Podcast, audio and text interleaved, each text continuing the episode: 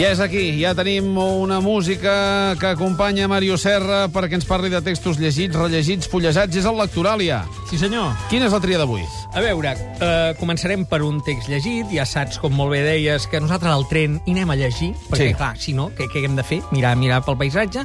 I sempre eh, il·lustrarem aquestes recomanacions amb una música que o bé ens recorda la lectura o bé ens hi podria acompanyar. Comencem pel text llegit d'avui, una novetat acabada de sortir del forn, una novel·la que volem il·lustrar amb un tema de l'Estanislau Verdet que molt optimista potser no és. No hi ha tinta a la impressora, em pica l'etiqueta del jersei i el meu B5 sempre està buit. Les preguntes del meu grup de trivial són més difícils i el Joan s'ha acabat els crispis bons.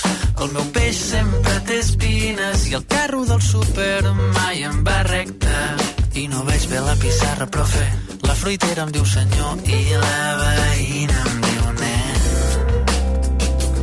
Interessant, eh? És un tema que diu tots som uns desgraciats. Sí. És un tema, diguem, pessimista, però jo el porto per il·lustrar una novel·la que li auguro un cert èxit, una sorpresa agradable, la recomano, Els jugadors de Whist, del Vicenç Pagès Jordà. Això ho acaba de publicar No confondre amb els jugadors de Wii. No. Potser n'hi ha més. Wist, en aquest cas, Exacte. és W-H-I-S-T. Sí, de, de, de fet, jo crec que un dels seus punts febles és el títol, perquè ningú ho entendrà, això, eh? El Ho han de llegir. Sí, però el Whist és un joc de cartes que el pagès l'utilitza perquè era el que li agradava al senyor Phileas Fogg, el que va fer la, La volta al món en 80 dies. Exactament, el, el personatge de Juli Verne, no? Que vas a dins d'aquesta novel·la, el Whist és un joc al que juguen tres adolescents o nens a Figueres i és un joc bastant interessant de dir, a veure, a què jugarem avui? És a dir, és un joc de jocs. Es passen un estiu i tenen com una mena de tauler i diu, a veure, avui a què anem a jugar? Si el parxís o el teto, diguem, no? Sí. I llavors juguen i després trien, no? Aquest és una de les línies eh, del passat que ve d'aquesta novel·la. Però Els jugadors de Whist és la història d'un home de mitja edat al qual se li casa una filla amb un paio que no li fa gens el pes i que està bastant malament amb la dona, fins al punt que viu al garatge de la casa adossada on viuen. És a dir, la dona continua a la casa adossada i ell viu al garatge. És una versió economicista de com vivia Woody Allen abans. Exactament, sí. sí, vindria a ser això. Vull dir, està clar que aquí hi ha alguna cosa que no rutlla.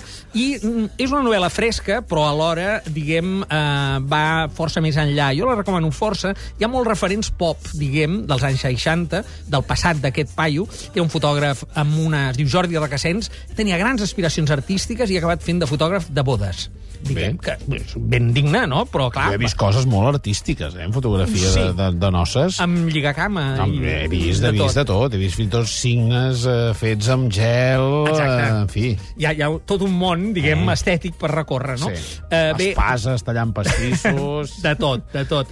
Jo, mm, a veure... Una molt eh, bona fotografia, fa això. jo, jo penso que hi ha tota aquesta banda així com pop i després, que és la, per això que poso el verdet, tot un seguit de referents perquè el senyor Regasens acaba enamorat d'una Lolita de l'edat de sa filla, diguem. I aquí hi ha els referents Facebook o Twitter o Twenty, més aviat. Estem a 20, eh? Que ja anem cada cop més cap aquí.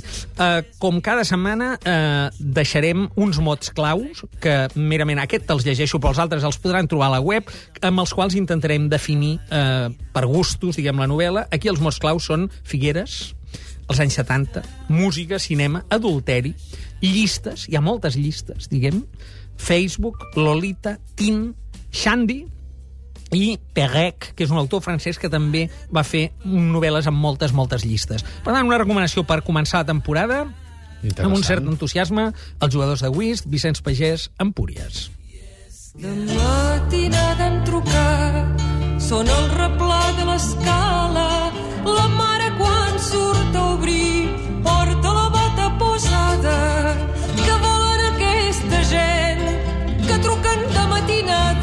Maria del Mar Bonet, què ens il·lustra?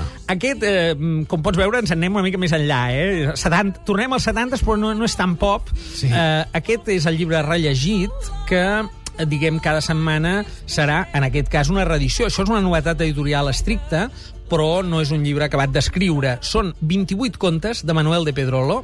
Eh, a cura, els ha triat en Jordi Coca, això ho publica Edició 62, no?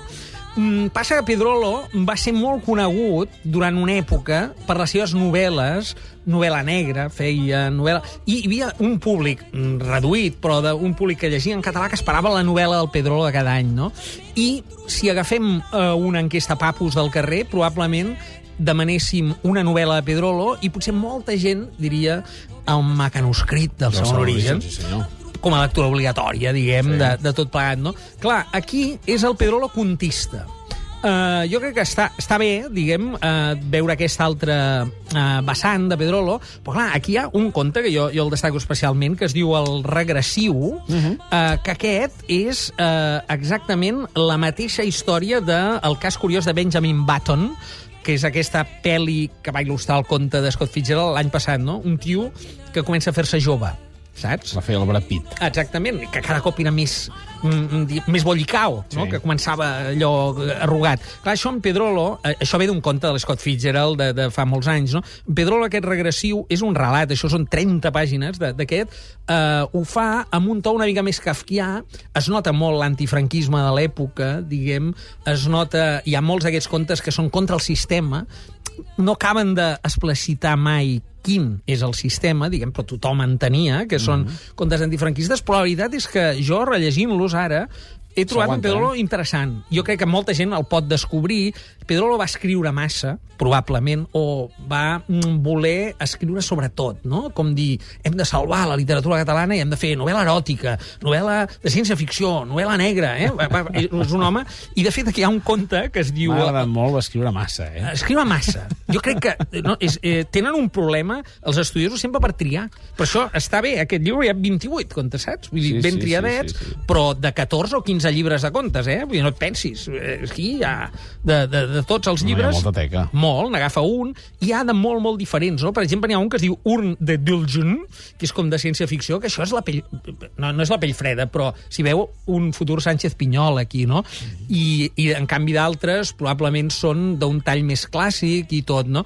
N'hi ha un que diu el millor novel·lista del món, que és justament, jo crec que podria ser la seva història i la història de la literatura catalana, un tio que està escrivint una novel·la i creu que és l'últim que, que, que, que queda en el món escrivint aquella novel·la i el porten en una mena de eh, diguem, eh, de manicomi, on a cada habitació hi ha un tio que està escrivint l'última novel·la. Que- que bo, Saps? que bo, que I bo. dius, hòstia, això era en Pedrolo, anys 50, escrivint en català. Uh Mm. -huh. eh, volem fer novel·la negra per un mercat que no tenia públic. Vull dir, perquè no hi havia públic lector ni, ni grans estructures.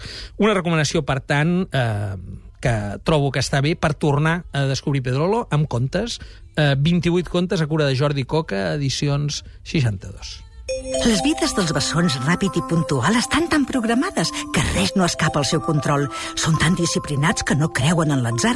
Un matí, les bessones Natura i Comoditat s'asseuen davant seu al tren. Aleshores, llancen una moneda a l'aire i s'intercanvien els seients. Quan viatges en el nou AVE directe Barcelona-Sevilla, havent obtingut un descompte del 60% gràcies a la tarifa web, viatjar es converteix en alguna cosa més que viatjar. Renfe. Nous temps, nous trens. Ministerio de Fomento, Gobierno de España. He vist un riu a París, a prop de sa torre gris. He vist un paraigües deixat, tots els mecanismes Aquesta ha estat una de les cançons que ha format part de la banda sonora del meu estiu. Antònia Font, eh? Antònia Font. Amb, amb l'edició aquella amb l'orquestra i tot, del Sí, Coser i sí, Cantar. sí, sí, sí, sí. No, són sensacionals. Uh, a veure, a més, serveixen per il·lustrar molt els llibres. Vull dir que potser en el lectoral ja sonaran més, no?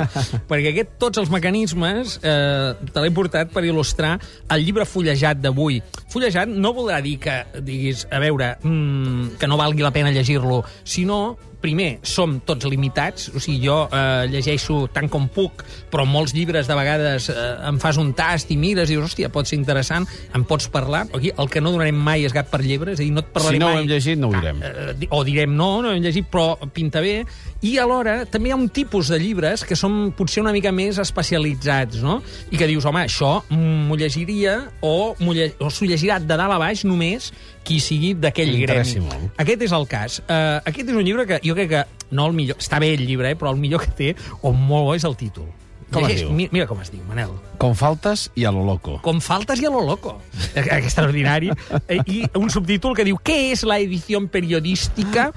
Això és de la professora de, de la UOC, Carme Ferrer Pavia. Ho edita la UOC, és a dir, la Universitat Oberta de Catalunya. No és una editorial comercial, és una editorial universitària Sí. i és accessible, eh? es pot trobar. I no és un manual d'estil, però eh, vindria a ser un llibre que reflexiona amb, eh, diguem, qüestions pràctiques sobre com s'editen els textos, també a internet. No només els diaris, allò, saps? Agafem el diari i tota la d'això, sinó que és un llibre especialitzat per als professionals del nostre gremi, però que té prou interès per tothom que tingui un cert gust per la llengua i per la sintaxi i per la comunicació, no? Per tant, Hi ha col·lecció d'errades o no? Uh, no, no, uh, no té aquesta... Um, a veure, el que ha són exemples que diu un empresario dispara i mata dos hombres de etnia gitana. I llavors aquí analitza... N'hem de dir, per, perquè les víctimes ètnia gitana, calia, són dos hombres, eh, aquelles mm. coses que ens passen, no? Però no, no és que... No hi ha col·lecció de nyaps, Val. per entendre'ns, eh? Però, en canvi, eh, els mots claus serien edició, periodisme, estil, llengua i comunicació. Aquí no m'hi he matat gaire amb els mots claus, com pots veure, perquè són Estem molt fullejat, eh? estem al Però fullejat. Estem al fullejat, fullegem, fullegem, que el món s'acaba. El que hem tingut temps de fullejar, però que llegirem amb molta cura, és el Toni Soler, perquè la setmana que ve presenta la seva darrera novel·la, L'última carta de Companys. La Vitola del llibre diu 10 anys després de l'èxit d'Història a Catalunya, modèstia a part, Toni Soler torna amb una novel·la diferent que parla del nostre passat i del nostre futur. Això pinta bé, eh? perquè el Toni té una vida anterior, diguem, als mitjans, Sí. que havia fet un- algun llibre de contes i tot això, és fill d'escriptora, a més, Sí. uh, i, i bé, uh, aquí ell juga amb la cosa política, no? He vist això del companys Sí, i sí, tal. és com eh, si Companys vingués del... Bé, ja ens ho explicarà ell, Sí, però sí. com si que vingués del passat al futur eh, per alguna missió que només qui llegeixi el llibre eh, tindrà el plaer de desvelar. Sí, senyor. Màrius, eh, estem encantats, com et vaig dir dilluns, de, de retrobar-te. Nosaltres, eh, amb motiu de que demà és la nit 10 de, de TV3,